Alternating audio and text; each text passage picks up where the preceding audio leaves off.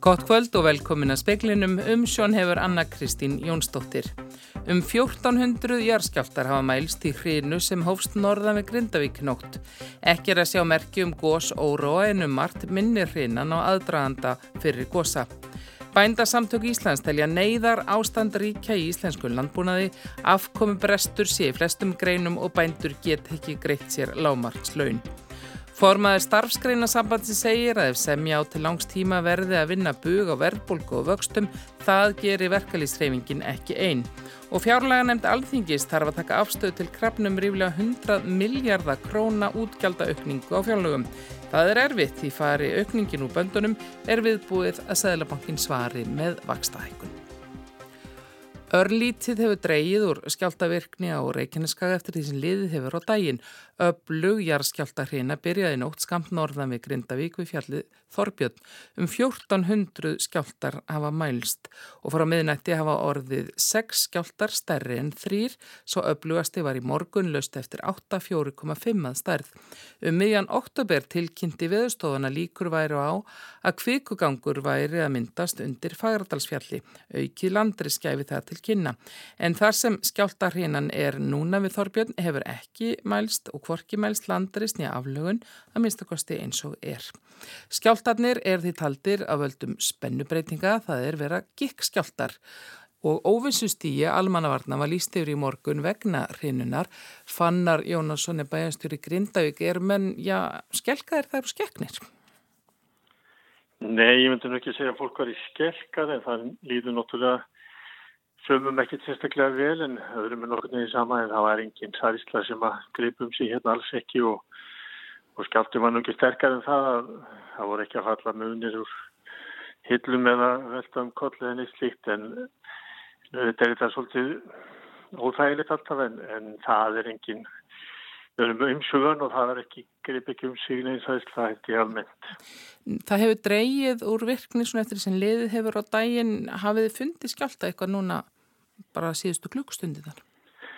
Nei, við höfum ekki fundið fyrir einu skjáltum og þú var þessi verið að mæla í hundrað og þúsunda vísjafni skjáltana þá voru langflestir svo litlir að þeir finnast alls ekki en þessi sem kom í morgun, sérstaklega sá sem kom hann upp úr átta, hann var um, blöstur, bæði snarpur og, og svona snöggur, þannig að við fundum þetta vel fyrir honum.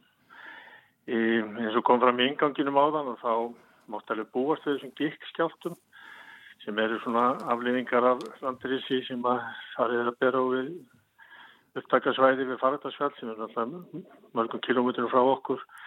Þannig að þetta er bara svona nokkur sem við mótti búast og kemur þessum ekki alveg óvart en en ekki tægilegt þegar, að, þegar þetta rýður yfir, það er ekki þetta að segja það. Nei, en við fylgjumstu auðvitað bara áfram með þessu og því en þá ákvar kannski Suður í Grindavík en þakkaði fyrir Fannar Jónasson. Afkomi brestur er í flestum greinum í landbúnaði, bændasamtökin segja fyrir séð. Á tveimur árum greiði bændur hátti nýju miljarda með framleiðslu úr eigin vasa. Varaformaður bændasamtakana segir að ríkið verði að koma með innspýtingu í búverðarsamlinga til að forðast hrun í landbúnaði, halda matvæla verði niðri og þar með verðbólgu. Bændasamtakana segir að hækkun stýrivaksta hafi vikt stöðu bænda sem var vond fyrir vegna verðhækkana á aðfengum. Fundur sem var haldinn með matvæla og fjármálar á þeirrum í síðustu viku er kallaður neyðarfundur. Bændur geti ekki greitt sér lámarkslaun, hvað þá laun í samræmi við ákvæði búverulaga. Herdís Magna Gunnarsdóttir, kúabóndi á eilstöðum og varaformaður bændasamtakana, segir stýrivexti hafa hækkað afborganir bænda af lánum dögulega. Þetta bytni hvað verst á ungbændum og þeim sem hafi fjárfest til að bæta aðbúnað og hagræða. Við vitum það að mest fjárfesting sem hefur orðið síðustu ár og þessar stýrvægstahekna hafa mest áhrif á, það er uh, þessi nýju fjós og þessi framtíðar framslu einingar í íslensku landbúnaði og unga fólki okkar, ungu bændinu okkar sem við höfum áhugir af. Frá 2021 til 2023 hefur heildar fjármaskostnaður aukist um 7,9 miljardar í landbúnaði þetta er að ganga á launalið bænda. Bændur eru að greiða af lánunum sínum og það er lítið sem ekkert eftir til þess að greiða laun. Og hvað er hægt að gera? Það er margt sem við getum gert til langstíma en nú er mjög mikilvægt að ríkið bregðist við og komi með innspýtingu inn í búrusemninga til þess að bregðast við.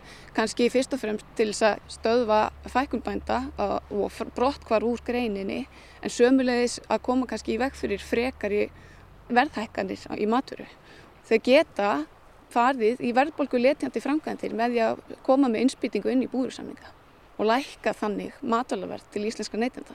65% af íslensku matakörfunni samstendur af einlendri búveru. Saði Herdís Magna Gunnarsdóttir, Rúnar Snæ Reynisson talaði við hana. Vilhjálmur Birgisson, formaður starfskreina sambands Íslands, segir að ef takast eigi að ná langtíma kjærasamningum verði stjórnvöld og sveitarfjöluna koma að borðinu.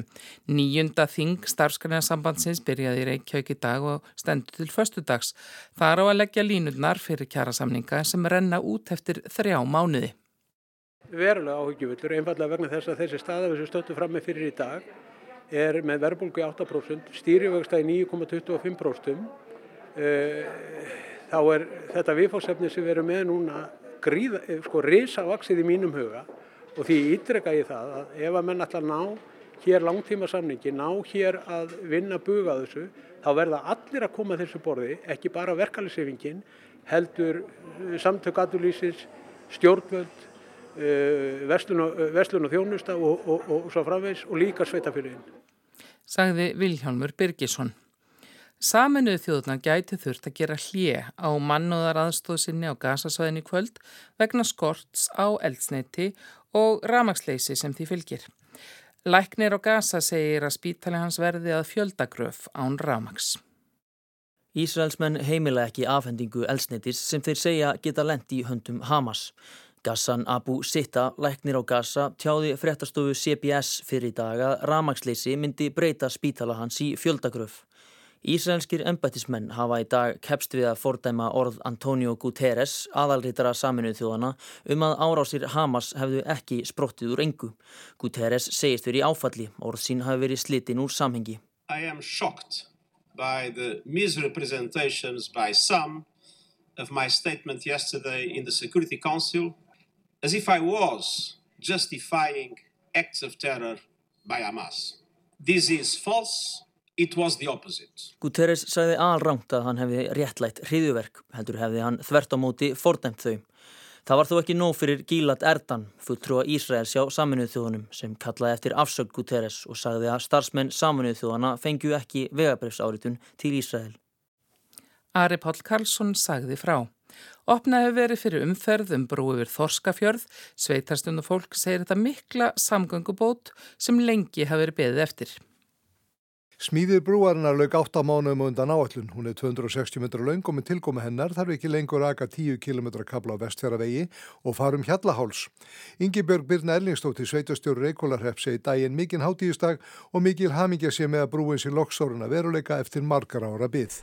Þetta breytir miklu. Við erum að flytja e, skólabörn hérna yfir heiðarnar á hverjum degi alla veturinn og þau eru þá komast núna niður á Lálendisveg fljótlega brúin er náttúrulega fyrsti áfengin í því mm -hmm. og svo er náttúrulega fólk sem sækir störfin á Reykjóla sem að þarf að keira þessi fjallvegi og hérna, og já, það er bara svo mikið tilhökun að loksins geta komið þeim niður á lálendisveg og auka bara allt öryggi. Þá því þetta mikið fyrir vestfyrði held, mikið uppbygging hafa orði á Suðufjörðunum og einni á Ísafyrði Bólingavík og víðar.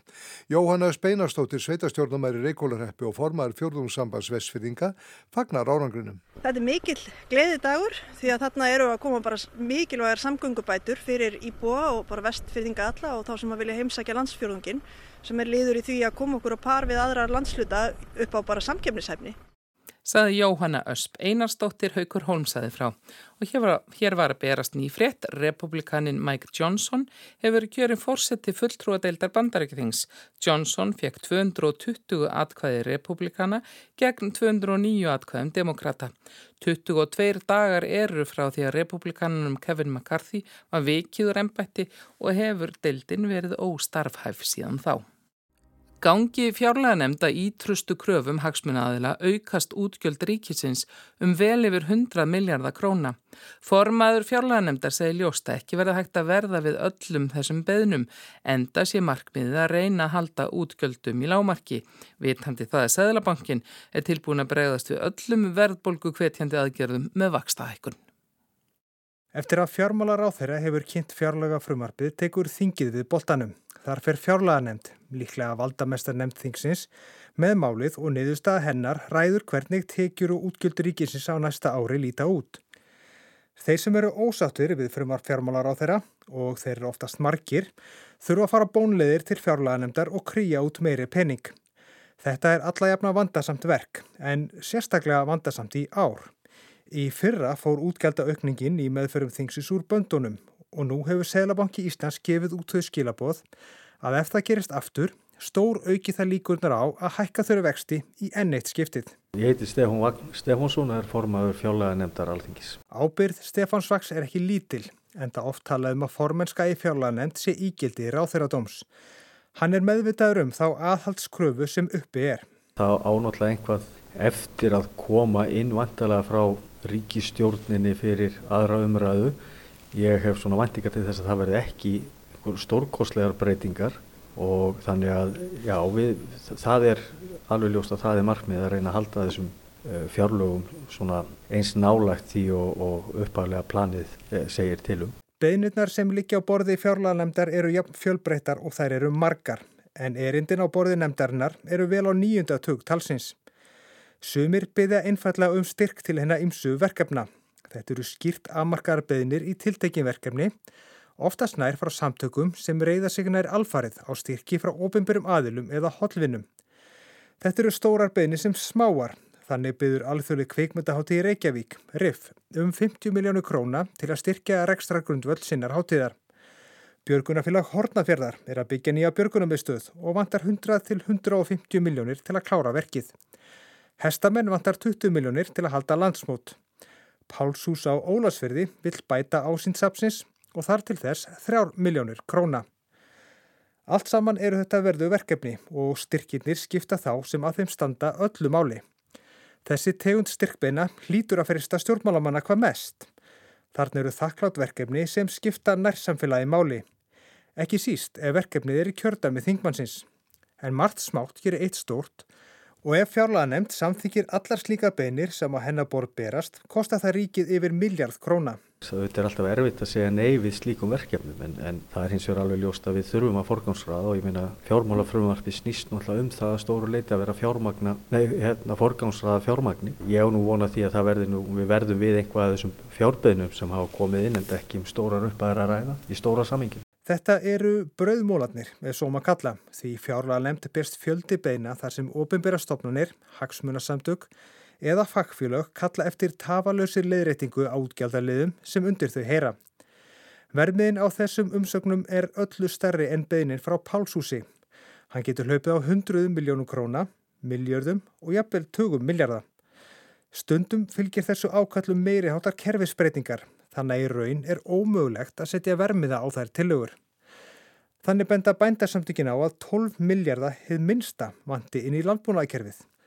Fjörðungssamband vestferðinga gerir kröfum hinnar ymsu úrbætur sem þörfir á í fjörðungnum. Þótt ekki sé settur vermiði á þær úrbætur þarf engar hagfræðing til að útskýra að þær kosta miljardar. Samtök yðnaris og leigufélögin krefjast þess að endur greiðslega virðisauka skatts fari aftur upp í 100% líkt og var í faraldrinum. Hún var fyrst lækuð í 60% svo aftur í 35% í sumar til að stemma stegu við verbolgu. Þessi aðgerð myndi kosta ríkisjóð alltaf 10 miljardar. Segjum á kröfur sveitafélagana síð sérflokki en auk tilgreindra útláta eins og tæplega 800 miljónir í rekstur strætó er þar að finna ákallum meiriháttar kerfisbreytingar. Þau vilja hlutild í gistináttaskatti sem á að færa ríkinu 4,5 miljard á næsta ári. Þá vantar að fjármagna málefni fallara að fullu. Samningur um mótöku flóttamanna er að renn út. Það vantar pening í landsluta áallinir og svo framvegis. Allt þetta myndi færa marga miljardar frá ríki til sveitafélaga. Það er vinna í gangi, það er samtali í gangi millir ríkis og sveitafélaga um hvernig menn er að koma til móts við þann vanda sem blasir við og ég hef bara vendinga til þess að, að það muni skil okkur einhverjum tillögum sem muni þá vantilega að koma inn í, í, í fjárlæðanemnd fyrir fjárlæðafrumvart 24. Það er ómögulegt að setja vermið á allar þær kröfur sem gerðar eru á fjárlæðanemnd en gróft áallad fara þær ekki undrið 100 miljardar króna. Yrði gengið að ítrustu kröfum. Það yrði útgjaldar aukning upp á tæplega 7%. Þetta eru ímsir hagsmunar aðilar sem hafa komið fyrir nefndina sem eru að tala fyrir aukningin í sína málaflokka. Svo hefur við verið að fá aðila sem hafa verið að tala fyrir því að við séum eða á miklu og við þurfum að skera ennþá meira niður. Þannig að auðvitað það eru bara skiptar skoðanir á þessu og, og sitt sínis hverjum og, og það, er, það er okkar sem erum í þessari nefnd að, að reyna átt okkur á svona heildarmyndinni og hvernig, er, hvernig þessu er best fyrir komið ja, í þetta skiptið. Þarna vísar Stefán Vagn meðal annars í þá hugmyndafræðilegu baráttu sem berst inn á borð fjárlæðanemndar.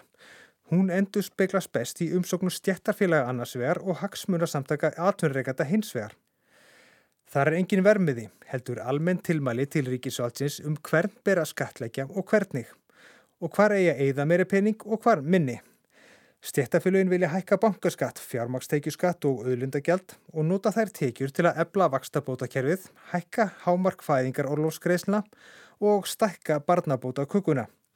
Samtök atvinnurreikanda vilja gera akkurat öfugt, meiri niðurskurður, minni álugur á fyrirtæki. Niðurstaða fjárlaga nefndar á að leikja fyrir 21. november þegar fjárlaga nefnd á að skila af sér frumarpinu til annarar umræðu. Magnús Geir Ejjólfsson tók saman.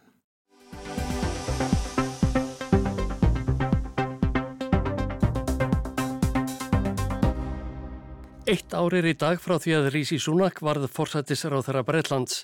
Breskir fjölmiðlar fjallað vonum um þessi tímamót. Fleiri en eitt benda á að hann hafi setið meira en sjö sinnum lengur í ennbætti en fyrirrennari hans, Liz Truss. Hún endist í 49 daga og kvarf af sjónarsviðinu með skít og skömm. Súnak var sá eini sem gaf kost á sér meðal framamanna í halsflokksins til að taka við af Truss og verða þriðji forsættisar á þeirra landsins á árinu. Hann var snortinn þegar hann þakkaði tröstið. To have the support of my parliamentary colleagues and to be elected as leader of the Conservative and Unionist Party. Ég er auðmjúkur og hræður fyrir að njóta stöðnings flokksískina minna á þingi og hafa verið kjörinleitói flokks íhaldsmanna og sambandsinna, sagði Sunak. Hann bætti við að það væru mestu forréttindi æfisinnar að fá að þjóna flokknum sem hann inni svo heitt og leggja sitt af mörkun fyrir land og þjóð sem hann ætti svo margt að þakka. It is the greatest privilege of my life to be able to serve the party I love and give back to the country I owe so much to.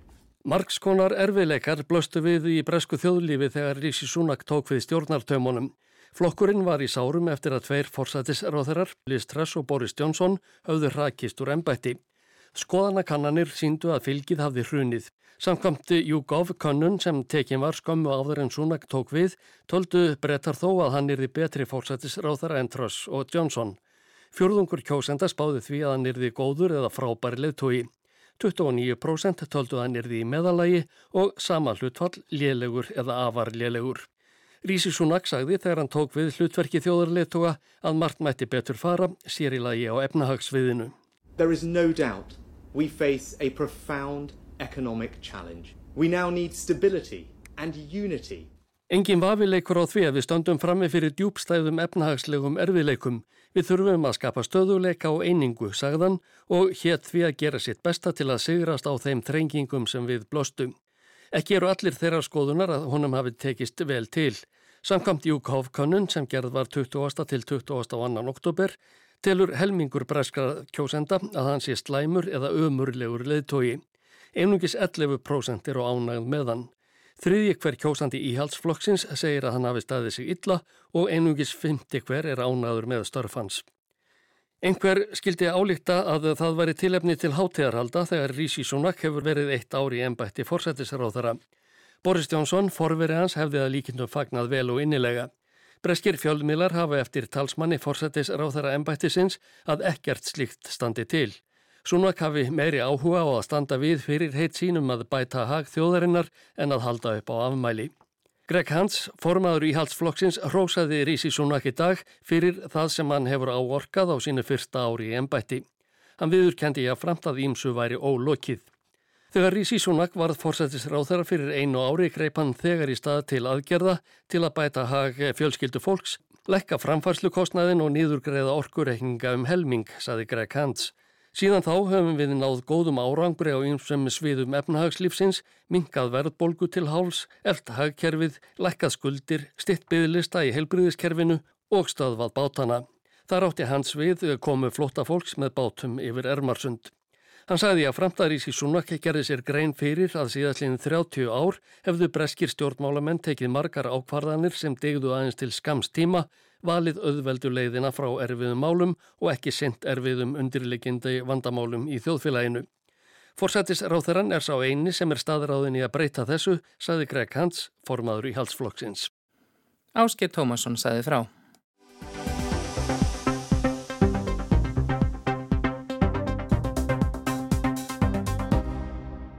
Í fyrra fættist um 4400 börn á Íslandi, mun færi en í hittið fyrra þegar þau voru næstum 4900 og það verður ekki muna svo miklu á milli ára frá því undir miðja 19. öld, það er 1838. Í tölum frá hagstofinni þar sem farið er yfir frjósemi og fæðingar kemur fram að frjósemi hefur aldrei verið minni en 2022. Frjósemi stuðul 1,59, það er börn fætt á æfi hverjar konu, en frjósemi þarf að vera 2,1 til að viðhalda mannfjölda til lengri tíma litið. Frjósemi í Finnlandi með því minnsta í heiminum og það hefur dreyið úr frjósemi og basfæðingum á Norðurlöndunum stöðugt undanfatna ára tugi og lækkaði tölvert enn upp úr hrunárunum, segir Óluf Garðarstóttir, fórseti hugvísindasviðs í Háskóli Íslands. Löndin fylgjast glettilega vel að og þetta klárlega við um Norðurlöndin. En það sem er einkjandi náttúrulega fyrir Ísland er að fæðingatinn hjá okkur var alltaf talsveit herri heldur en á Norrlöndunum. Ég apfel þótt að leiknin fyldi eða hún var í hún sama eins og hinn um löndunum að þá vorum við heldur herri.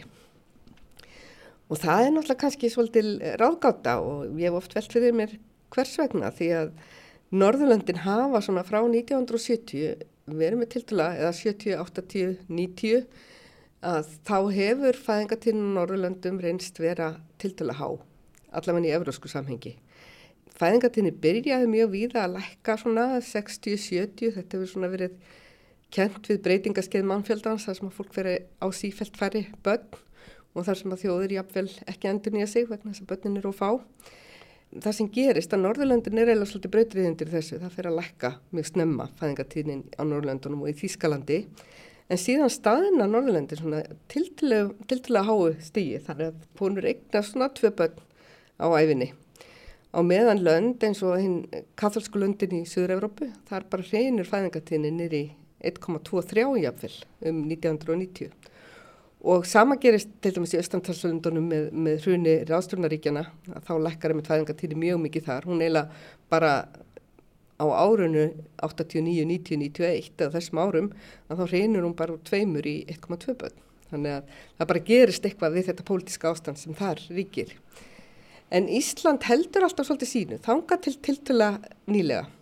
Og það kann að vera svolítið sérkennilegt því að hinn Norðurlöndin helst skýringin á horri fæðingatíni þar talin verið mitt góð fæðingarólastjónista, góð leikskóla plás en á Íslandi þá vorum við talsvert miklir eftirbátar allavega svona fram yfir 2000, 2000 þegar við fáum nýja fæðingarólökslaugjöf þannig að ynga síður vorum við hæri heldur hinn Norðurlandin. Fæðingatíðnin lækkaði í kjálfar COVID. Sænskir fræðimenn hafa skoðað fæðingar eftir mánuðum á þessum árum. Í Svíþjóð fjölgaði þeim um 9-10 mánuðum eftir að farið var að bólusetja. Þannig þá verðist fólk einhvern veginn á að hugsa, já, frábært, nú getum við farið að eiga börn, sko, það er búið að finna bólefni svo bara einhvern veginn snýst tróni við strax aftur sko þannig að það er bara, við sjáum bara í öllum löndunum og nú er til dæmis Finnland komið á sama stað og, og þessi legstu, legstu lönd í, í Suður-Európu sko. Færri börn hafa auðvitað mikil áhrif á samfélagi hvað til dæmis að gera þegar fækkar í skólum og svo er það líðfræðilega líkistan, það er þegar yngstu árgangarnir verða sífælt minni. Ég held að við séum svona álíka gamlar, ég er kannski heldur eldre en þú en við komum um stóru, stóru árgangunum í kringu 1960 það er svolítið áhugavert sko, þessi stóra árganga voru í raun og veru börn fólk sem kom úr litlum árgangum á kreppa árunum á fjörða áratugnum. Það bara er mjög alvanalegt að, að fólk sem að fæðist á þessu tífambili eigi fjög og fimm og jafnvel sex sískinni og ég manni ég ólst upp í háleitiskerfinu og það voru bara hrú af börnum í öllum íbúðum þarna í blokkinu þess að ég bjó. Þannig að það var svona vittnisspurður um þetta. En við erum að tala um svona einhverja leikni á lengri tíma en það er náttúrulega veku kakka aðdekli þessi, þessi mikla breyting. Að í fyrra fættust 500 færri börn heldur nýttið fyrra, Já, það er mjög mikil munur. Þetta er ósala mikil munur. Og það verðist ekki að verða neitt viðsnúningu núna þegar í raun og verið er búið að breyta fæðingarálofi slöginu aftur sko, nú er fólk að yma rétt eitt ári fæðingarálofi en það verðist ekki að hafa haft, ekki allavega einn sem komið er haft neinn áhrif sko. Það gerði það í kringum 2000 þegar nýja löggefin kom með nýjum mannaða fæðingarólaðu fyrir alla. Þá sá maður einmitt svona leikni upp á við sko. En nú sér maður bara eiginlega að reyna og enga vísbendingar af þetta. Nú lifum við nú í þannig kringumstæðin flest að það er ákverðun eða vala eignast badd. Já, já, klálega og það er líka vala eignast ekki badd sko. Þannig að það er ekki síður mikilvægt. Og ég einhvern veginn svona stundum ímynda mér að, að mín kynslu og hvenna, hún ætlaði eiga börn, það var bara eiginlega sjálfgefið allir vildu og ætluðu eiga börn. En ég held að þetta sé orðið svona einhver valkostur sem að fólk hefur í dag að neður, ég ætla bara að gera eitthvað annað við lífið. Það er nógu annað sem ég get gert en eiga börn. Frestun badnegna hefur klálega áhrif. Konur voru meðaltali rétt undir 29 ára þegar það eignust sitt fyrsta badni fyrra. Nef þú býður með eignast fyrsta badni þá getur þú 35-6 ára gömul sko, þá er náttúrulega ekkit endilega sjálfgeð að vera auðvelt að vera óléttur aftur sko. þannig að þetta er líka bara náttúrulegum ástæðum hefur þessi áhrif En svo er bara líka að fólk allar sér að gera eitthvað annað. Líka áhugaverð spurning er það, þetta sem myndist á þann, það er valkostur eiga bara yfir höfuð ekki bönn. Sumstaðar er hlutfall hvenna sem eiga ekki bönn, miklu hærinn á Norrlundunum, til dæmis í Suður-Európu. Þannig að ef þú ert á annar borð farin í eignast barn, að þá kannski er alveg skott eignast bara tvö sko. Ólur segir að í gamla daga, það er fyrir setni heimstyrjöld, hafi lægri stjættir eignast fleiri bönn. Mentafólk eignast tíðu bönn. En það sem hefur verið að gerast á síðar áratjóðum, allavega svona frá 1980-90, fyrra á Norðurlöndunum heldur annars þær í Európu, er að fólk með mikla mentun og háartekjur er líklega til eitthvað spötn heldur en fólk með lágartekjur og enga mentun eða litla mentun. Þannig að það er þessi svona svolítið þversagnakenda mynd sem við sjáum á síðar áratjóðum og þetta er mjög ábyrrand á Norðurlöndum. Þetta hefur ekki verið rannsaka mjög mikið á Íslandi.